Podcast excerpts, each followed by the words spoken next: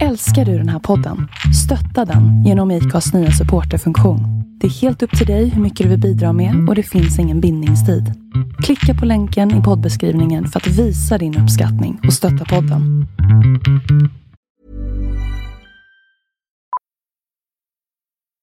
Millions of people have lost weight with personalized plans from Noom, like Evan, who can't stand salads and still lost 50 pounds. Salads, generally, for most people, are the easy button, right? For me, that wasn't an option. I never really was a salad guy. That's just not who I am. But Noom worked for me. Get your personalized plan today at Noom.com. Real Noom user compensated to provide their story. In four weeks, the typical Noom user can expect to lose one to two pounds per week. Individual results may vary. Hej! Innan avsnittet börjar så eh, vill jag bara säga att ni kanske hör att det är bättre ljud i det här avsnittet. Äntligen så har jag slopat mina gamla hörlurar som jag brukade spela in med och faktiskt äntligen kunnat investera i en lite bättre mikrofon. Så att eh, jag hoppas att ljudet ska bli bättre den här gången för att när jag redigerar med den vanliga ljudfilen för de här hörlurarna så blir det inte bra. Eh, så att jag hoppas att det här blir bättre nu även efter jag har redigerat. Så att eh, hoppas att ni tycker om ljudet. Och så vill jag även passa på att rekommendera dokumentärserien Kriminellt bra TV på Netflix som faktiskt bygger på detta fall. Um, när jag först hade skrivit upp att det var det här fallet jag ville uh, djupdyka i så visste jag faktiskt inte att det fanns en dokumentärserie på Netflix men uh, innan jag började kolla upp fakta och information så tänkte jag att jag faktiskt skulle ge den här serien uh, en chans. Och den är faktiskt väldigt bra men den är, den är uppdelad i sju delar så att det är väldigt, väldigt mycket som finns i dokumentärserien som jag inte kommer ta upp i dagens avsnitt så att ni får jättegärna gå in och titta på den för att det finns så mycket mer um, till historien. Så att jag kommer bara plocka upp nyckeldelarna av um, nyckelbitarna eh, till avsnittet helt enkelt. Så eh, med det sagt så vill jag också säga att innehållet i avsnittet är baserat på den här dokumentärserien och även källor på nätet. Och jag vill bara be om ursäkt ifall eh, jag uttalar namnen fel. Jag har försökt lyssna på hur de ska låta eh, och försökt upprepa dem för mig själv innan jag spelar in. Men eh, jag ber om ursäkt i förväg om jag nu skulle uttala de här namnen fel. Så jag ber om ursäkt för det. Nu kör vi!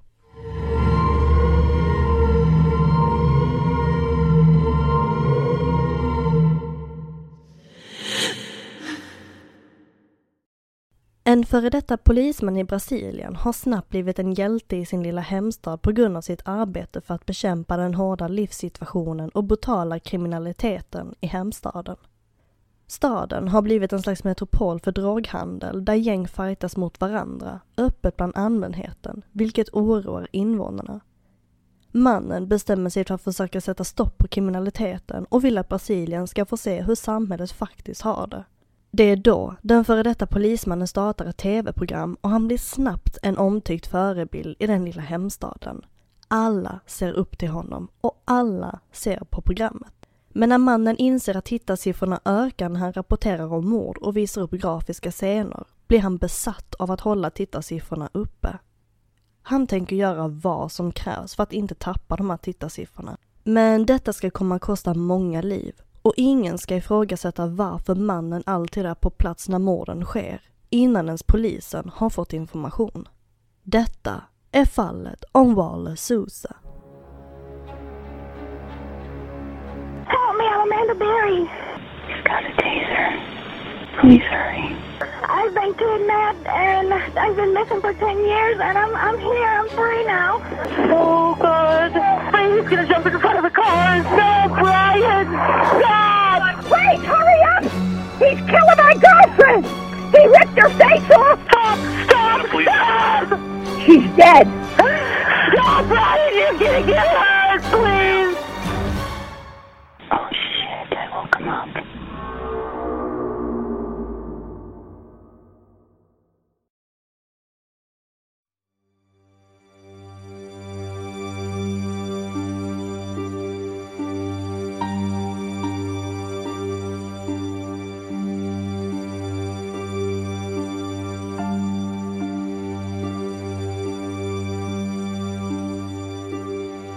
Manaus är en liten stad lokaliserad vid Amazonen i Brasilien och är hemstaden till avsnittets huvudperson. Francisco Wallace Cavalcante de Souza föds den 12 augusti 1958 och växer upp bland fem syskon. Det finns väldigt lite information om Wallace men hans familj beskriver honom som en driven person som kämpar för rättvisan och står på de utsatta sida. Att växa upp i Manaus är tufft och omkring sig bevittnar Wallace en tuff vardag av fattigdom och kriminalitet. Det Wallace vet är att han vill göra något meningsfullt för sin hemstad och dess invånare. Så Wallace pluggar på Sao Luis Gonzaga och Basilio Machado universitetet för att så småningom bli reporter och senare tar han en kurs i humanistik på Nilton Linds universitetet. Men Wallaces karriär börjar år 1979 när han arbetar som polis i Manaus. Under sin tid som polis får Wallace se kriminaliteten från en helt annan synvinkel. Det är tuffa saker som Wallace får se, men inget verkar bryta ner honom. Det verkar som att Wallace har hamnat rätt i livet när han får arbeta med något han verkligen brinner för. Men hans tid som polis blir kortvarig. År 1987 sparkas Wallace från poliskåren för stölder och bedrägerier. Trots att han har blivit av med jobbet vill Wallace fortfarande kämpa mot kriminaliteten och hans frustration mot droghandeln växer när hans bror faller offer för drogerna. Olicia Sousa var drogmissbrukare och hade kopplingar till några av Manaus värsta knarklangare. Olicius dog av en överdos och hans död knäckte Wallace som skapade ett vrede mot droglangare.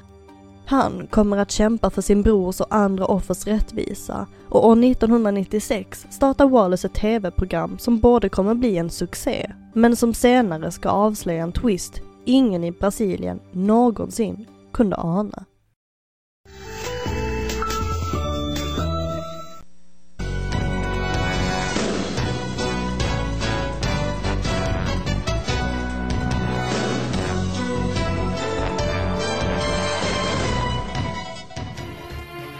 Negócio é esse de Rogério? É a nova que- que- que é música minha com Zil, é Como é que é- Como é que é a Rogério. música? Como é que é a música? É, Solta aí, né? solta a pouquinho aí. música, né? Solta um pouquinho.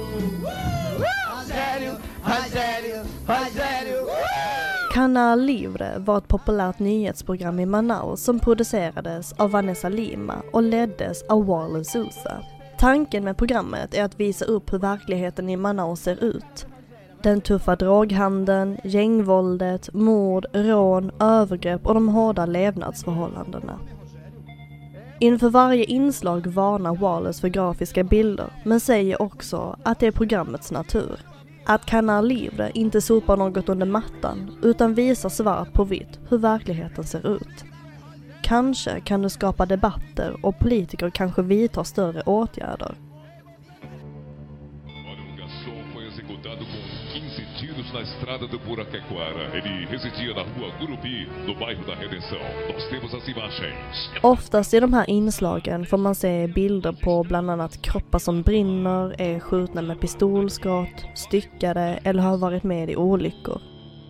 Med kamerorna och mikrofonen upp i ansiktet fångar Canal Livre ibland eventuella förbipasserandes eller familjemedlemmars hjärtskärande reaktioner. Men det är inte bara döda kroppar och brottsplatser som visas upp på Canal Livre. Det späds ut med bland annat underhållning i form av gästbesök, musik och dansframträdanden och humoristiska sketchliknande inslag.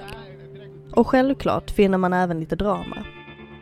I ett inslag ser man en reporter som tar sig igenom det stora publikhavet och går fram till en nervös äldre dam. När hon har mikrofonen framför sig pekar hon bakom folkmassan och säger att mannen som mördade hennes son står där borta. Alla i publiken vänder sig om och kameran fångar en man som eskorteras ut av en säkerhetsvakt.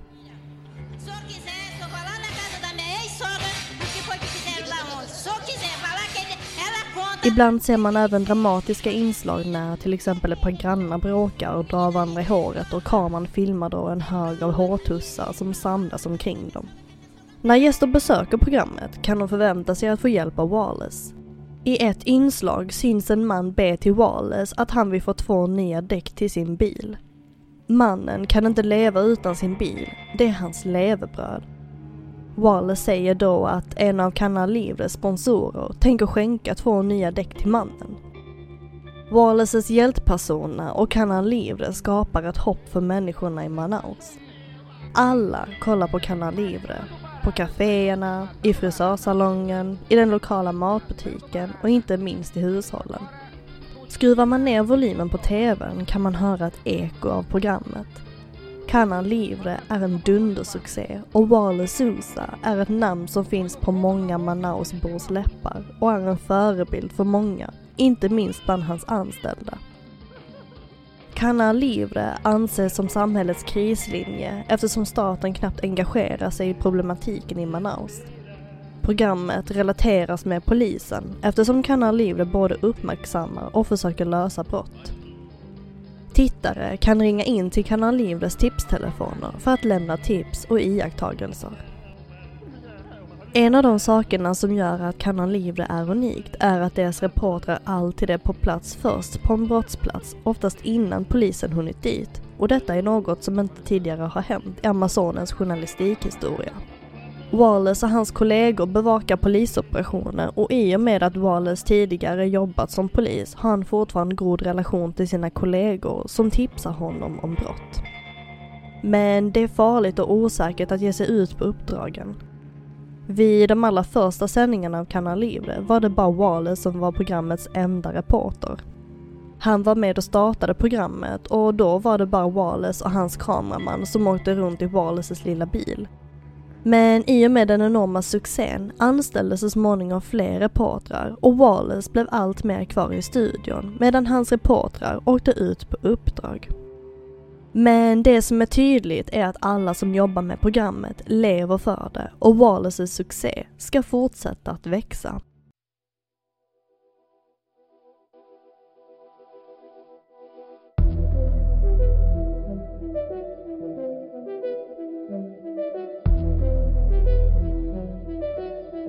Och 1998 väljs Wallace till det liberala partiet och hans valkampanjer syns såklart på Canal Livre. Folket jublar när deras förebild nu kan vara med och påverka den tuffa situationen i Manaus. I varje avsnitt av Canal Livre räknar Wallace upp antalet mordoffer och påpekar starkt att det inte finns något mer som äcklar honom än droglangare. Wallace menar att det finns en åtgärd för att bli av med de här langarna. Ett par kulor och graven. Kort efter Wallaces kandidering ställer även hans bröder upp i kommande val. En av Wallaces bröder, Carlos Sousa, blir den som tar sig hela vägen till kongressen och Sousa-bröderna blir allt mer populära. Det bildas folkmassor överallt där Wallace och Carlos befinner sig. Folk jublar, tjoar och skriker. Äntligen har Manaus fått ett hopp om att stoppa gatuvåldet och rädda den lilla staden. Men såklart är livet som en av Manaus mest omtyckta man inte en dans på rosor. Även om Wallace har många fans och vänner får han även en hel del fiender som är efter honom. Varje gång han är ute måste han åka runt i en skottsäker bil och eskorteras av vakter. Wallace säger själv att han är nog delstatens mest hotade män och att han är rädd för att bli mördad. När han åker hemifrån ber han till Gud att han ska komma tillbaka hem levande. Han har nu en fru och fyra barn som han måste ta hand om. Hans familj är oroliga när Wallace åker hemifrån tidigt på morgonen och är osäkra på om han kommer att komma tillbaka hem levande.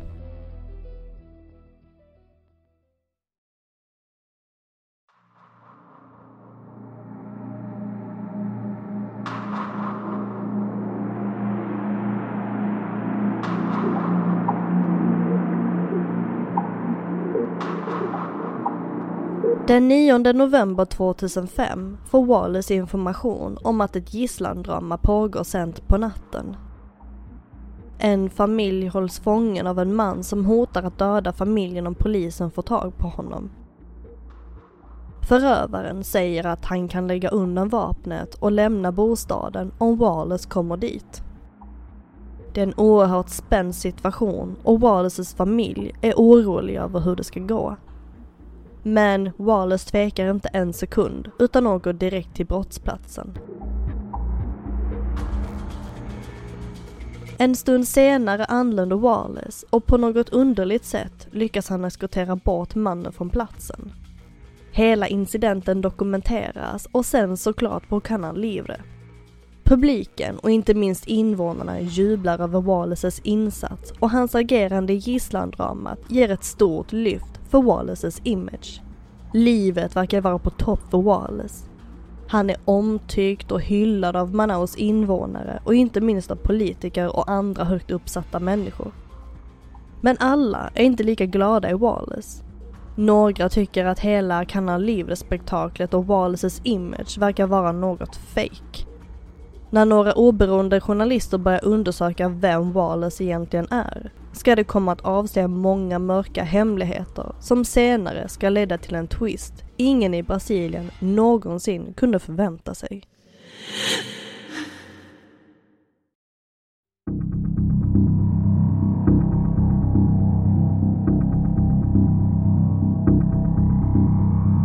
Det är den 20 oktober år 2008 som polisen i Manaus får ett anonymt telefonsamtal. Det gäller ett tips om en före detta militärpolis som sägs vara farlig och tillhör ett av Manaus största kriminella gäng. Tidigt på morgonen anländer polisen till platsen och spanar i ungefär tre timmar. Under iakttagelserna bevittnar de en pågående drogaffär och bestämmer sig för att ingripa. Polisen klättrar innanför murarna och griper personerna på plats. Men polisen har ingen aning om, om vem de just har gripit. Den före detta militärpolisen vädjar till officerarna att inte gripa honom eftersom hans liv är i fara. Mannen är skräckslagen. Han säger till polisen att han har fiender i fängelset och om han placeras där kommer han bli mördad. Mannen som polisen har arresterat heter Moacir Jorge Pessoa da Costa. Moa, som han kallas, är en före detta polis som hade blivit avstängd från poliskåren efter att ha blivit anklagad för flera mord. Moa tittar upp på polisen och säger att han kan betala dem om de släpper honom. Polisen tittar fundersamt på Moa och frågar hur han ska få tag i de pengarna. Moa säger att det inte är han som ska betala utan det är hans chef som har en högt uppsatt position i samhället. Men någon mutning blir det inte för Moa utan han sätts i polisbil och förs till polisstationen. När Moa förhörs kommer han med en förfrågan. Han vill ha specialbehandling eftersom han har fiender i fängelset och har ett pris på sitt huvud. Polisen ifrågasätter honom om varför han anser sig vara en speciell fånge. Det är då Moa börjar prata och polisen kan knappt tro sina öron. Moa berättar vem hans högt uppsatta chef är som dessutom beställt mord och rån via Moa. Chefen för Moas kriminella gäng är ingen mindre än Wallace Sousa.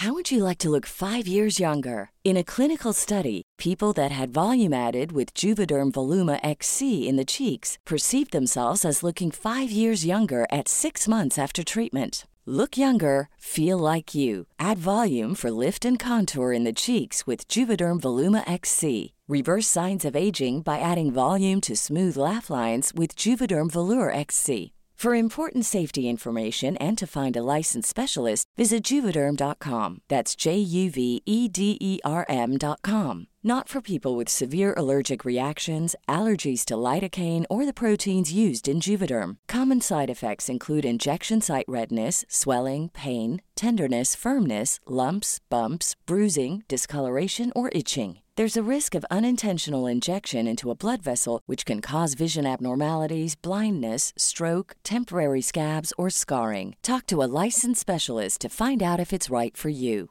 Hiring for your small business? If you're not looking for professionals on LinkedIn, you're looking in the wrong place. That's like looking for your car keys in a fish tank. LinkedIn helps you hire professionals you can't find anywhere else, even those who aren't actively searching for a new job but might be open to the perfect role. In a given month, over 70% of LinkedIn users don't even visit other leading job sites. So start looking in the right place. With LinkedIn, you can hire professionals like a professional. Post your free job on linkedin.com slash people today.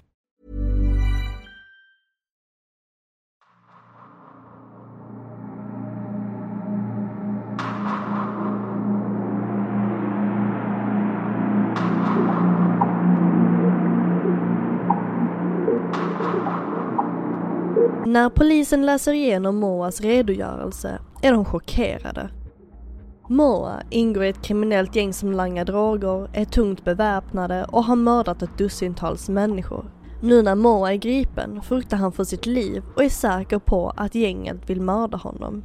Så i utbyte mot sin säkerhet väljer Moa att berätta sanningen om Wallace Sousa och Kanal Livre. I ett förhör berättar Moa att ett möte hade ägt rum hemma hos Wallace där han beordrat Moas gäng att gå ut i Manaus och utföra mord och rån. Wallace och hans Canalivre-gäng skulle då vara först på plats att dokumentera till programmet. För det visar sig att varje gång när Canalivre rapporterar om mord, besöker brottsplatser och visar grafiska bilder ökar tittarsiffrorna. Wallace hade då blivit besatt av att behålla och öka de här tittarsiffrorna och därmed bestämde han sig för att beställa mord för att kunna vara först bland alla journalister och poliser att dokumentera. Wallace och hans anställda var ju alltid först på plats eftersom det var Wallace som hade beställt morden. Hans anställda hade ingen aning utan trodde att Wallace hade bara fått tips av polisen, för det brukar han ju få. Så när anklagelserna mot Wallace växte blev hans anställda förvirrade. Vem är egentligen mer pålitlig? En känd kriminell eller den omtyckte och pålitliga Wallace? Pressen snappar snabbt upp Moas redogörelse som offentliggörs och den sprids som en löpeld. Snacket går runt om i Manaus och folket är i chock och spända på att få höra Wallaces redogörelse.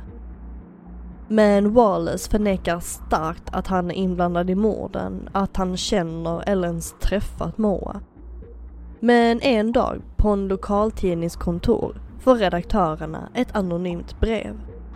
De öppnar kuvertet och får då syn på något som motsäger Wallaces påstående.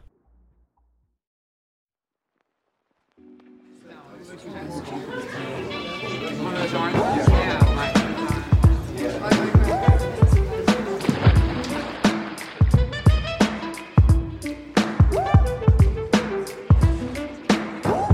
är en varm sommardag när Wallaces äldsta son Rafael Sousa anordnar en grillfest hemma hos Wallace när hans vän har tagit ett nytt bälte i jujitsu. Massor av folk är på plats, även Moa och hans gäng. Rafael är en nära vän med Moa och Wallace är fullt medveten om att hans son umgås med en av Manaus värsta brottslingar. När Wallace kommer hem hoppar han ner i poolen tillsammans med Rafael och Moa. De tre tar några bilder. Och dessa bilder ligger nu i kuvertet som redaktionen har fått skicka till sig. Wallace hävdar dock att det hela är ett missförstånd och att han träffade Moa av en ren slump när han kom hem den dagen. Wallaces familj har heller ingen anledning att misstänka honom en av hans söner, Will Sousa, får syn på sin pappa på ett tidningsomslag med hårt anklagande rubriker. Willis är förvirrad och förstår inte varför hans pappa är inblandad. Han är ju alltid glad och hans beteende hade inte alls förändrats sedan anklagelserna startade. Han var så som han alltid brukade vara när han var hemma med familjen, så Willis är övertygad om sin pappas oskuld, då han inte känner igen den Wallace som media pratar om. E assim eu sempre me conduzi na minha vida. O que a direita fez, nunca foi preciso que a esquerda pudesse saber. Eu só não quero que as pessoas, infelizmente, algumas, alguns populares, me julguem por questões políticas. Wallace håller tal i den politiska delstatsförsamlingen som sänds på TV. Wallace tänker inte gömma sig undan, utan vi talar öppet till politikerna och allmänheten om sin sida av berättelsen och hävdar sin oskuld. Wallace menar att det hela är en politisk förföljelse och hans konkurrenter är de som står för anklagelserna. Alla i församlingen har inte direkt haft samma åsikter som Wallace och han vill nu sätta stopp för, inom citationstecken, de falska anklagelserna eftersom de hotar hans familjs liv. Wallace säger att han ska peka ut de som förföljt honom och som står bakom anklagelserna. Somente Deus tem me dado a força necessária, a resistência necessária para que eu consiga e continue enfrentando tudo isso. Moa fortsätter att prata med polisen och avslöjar detalj efter detalj för att sätta dit Wallace. Moa frågar polisen om det skedde ett mord på ett visst datum och ber dem att kolla på gamla inspelningar av Canal Livre. Polisen gör det Moa säger och lyckas matcha mord efter mord med inslag efter inslag på Canal Livre.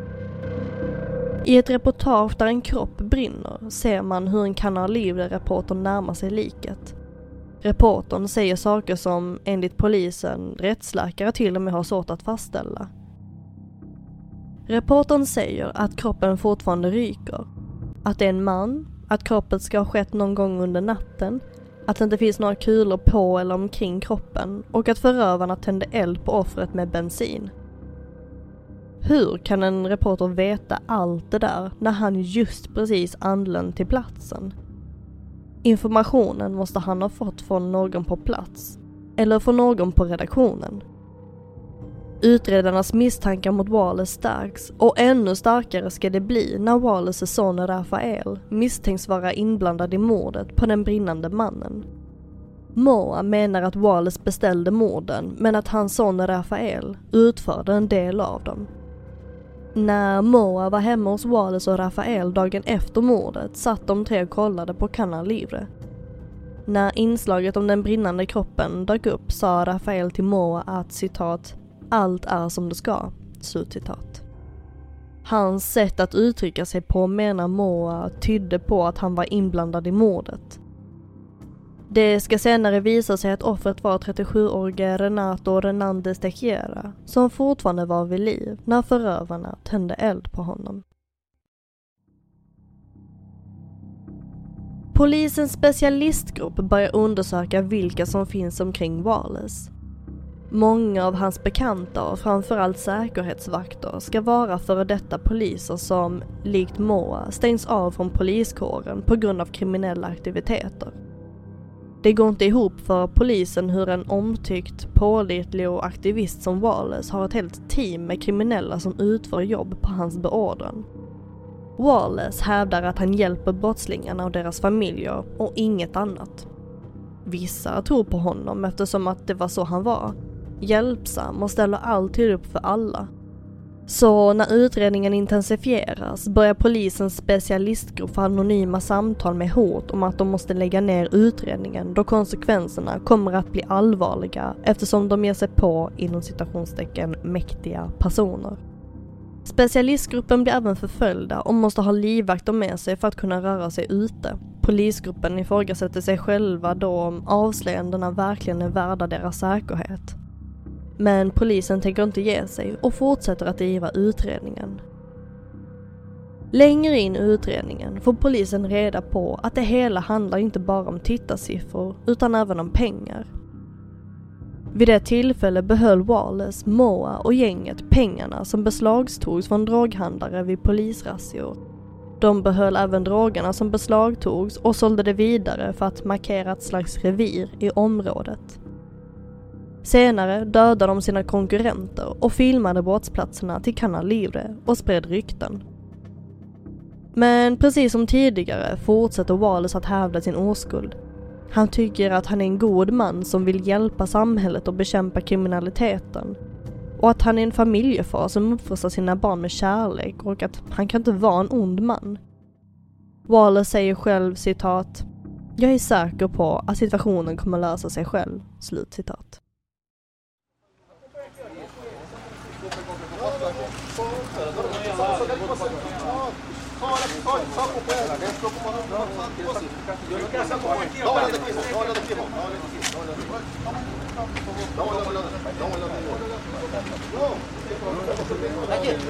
När polisen genomsöker Wallaces bil och hus hittar de vapen, ammunition och droger. Wallace säger att de misstagit honom. Han ska bli säkerhetsminister för delstaten och han kan inte hålla på med droger och vapen. Detta ska polisen få betala för, menar Wallace.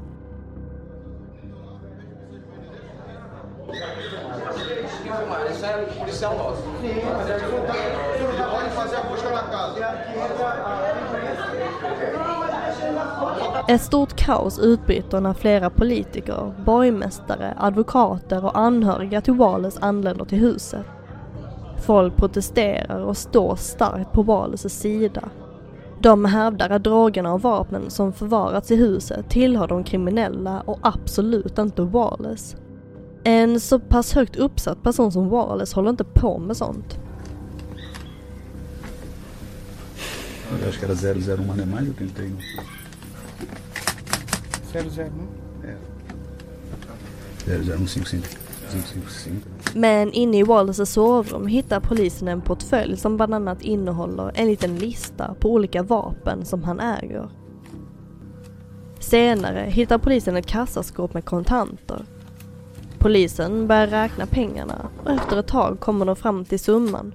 243 000 real, som är ungefär 500 000 svenska kronor, plus 15 000 dollar, som är idag cirka 145 000 svenska kronor.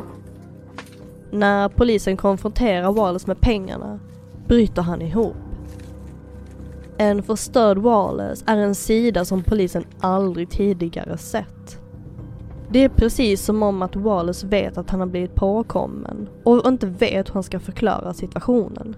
Wallace beslutar för att överlämna sig själv till polisen och snart väntar en rättegång och allmänheten ska få reda på den mörka sanningen om deras omtyckta förebild.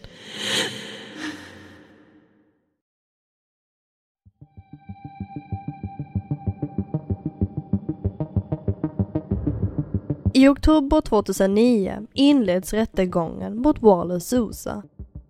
Rättssalen som har 200 platser är överfull och en enorm folkmassa av både press och besökare omger byggnaden. Det är en av de mest omtalade rättegångarna i Brasiliens historia. Men när rättegången ska börja märker alla att det är någon som saknas. Wallace är inte där. Folk tror först att han är för feg för att möta domaren i en rättegång, att han skäms. Men det visar sig att Wallace är allvarligt sjuk och efter en läkarundersökning kommer man fram till att Wallace lider av Budkiari syndrom som innebär att blodavflödet i levvenerna hindras och sjukdomen kan vara dödlig. Wallace hamnar på sjukhus men detta stoppar inte rättegången utan den fortsätter även om han inte är på plats. Den 17 december samma år ställs Moa inför rätta och han redogör för rätten om hans kopplingar till brotten och Wallaces kriminella organisation. Bland annat berättar Moa om mordet på en man vid namn Kasula som Wallace hade beställt. Casula var en känd knarklangare som sägs lett in Wallace bror Olicius in i missbruket som senare tog hans liv. Moa säger till rätten att efter mordet ska Rafael ha sagt till sin pappa att han hämnats för Olicius liv.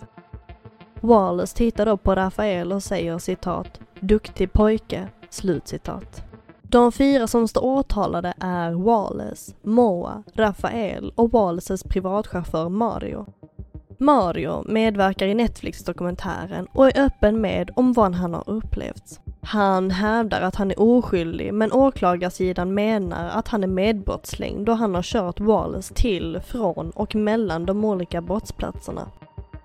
Den 19 november 2009 förhörs Wallace på sjukhus. Återigen försvarar han sig själv och menar att han inte känner Moa eller har någon som helst inblandning i brotten. Hela rättegångshysterin försämrar Wallaces hälsa och han förflyttas till ett sjukhus i Sao Paulo. Innan han hinner ställas inför rätta dör Wallace Sousa av en hjärtinfarkt på sjukhuset, bara 51 år gammal, med familjen vid sin sida. År 2010 förhörs Rafael Sousa. Han är under hela samtalet arrogant, självbelåten, dryg och hävdar starkt sin oskuld. Han har inga kopplingar till brotten eller Moas kriminella verksamhet. Rafael påstår att han var nära vän med Moa, men inte på ett affärsmässigt vis. De umgicks privat och hade nära relation, men inget annat. Till slut åtalas Rafael Sousa för ett mord år 2008, men försvaret överklagade och domen skulle ha prövats då av en populärjury i november 2020, men det har fortfarande inte skett. Antagligen så blev det uppskjutet på grund av coronapandemin men idag finns det ingen uppdatering om Rafael Sousas dom eller framtid. Men det vi vet är att han idag medverkar i intervjuer som till exempel 60 minutes Australia som finns att se på Youtube, där han berättar om sin historia och även om sin far. Moa döms till fängelse och trots att han var samarbetsvillig med polisen placeras han bland vanliga fångar. Hans fruktan för att bli mördad följer honom ända till en dag år 2017. Det är nyårsdag 2017 när fångarna i fängelset precis skickat hem sina anhöriga. Fängelsevakterna får då syn på något fruktansvärt på övervakningskamerorna. Ett enormt kaos som utbryts när fångarna syns skjuta vilt med bland annat fyrverkerier i syfte att döda Moa. När fångarna står utanför Moas cell ser de honom backa så långt in han bara kan. Moa står nästan fastlimmad vid väggen men fångarna kan inte ta sig in för de lyckas inte bryta upp cellåset. Istället tänder de eld på hans madrass och Moa kan inte fly. Han brinner upp in i cellen och dör en plågsam och utdragen död.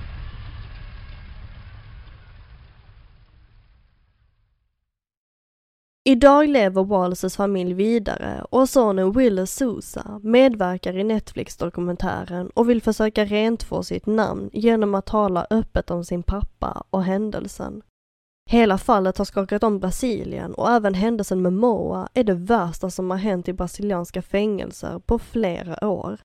Det finns, som jag sa tidigare, många detaljer och händelser som inte tagits upp i avsnittet som avslöjar fler oroväckande saker i detta fall.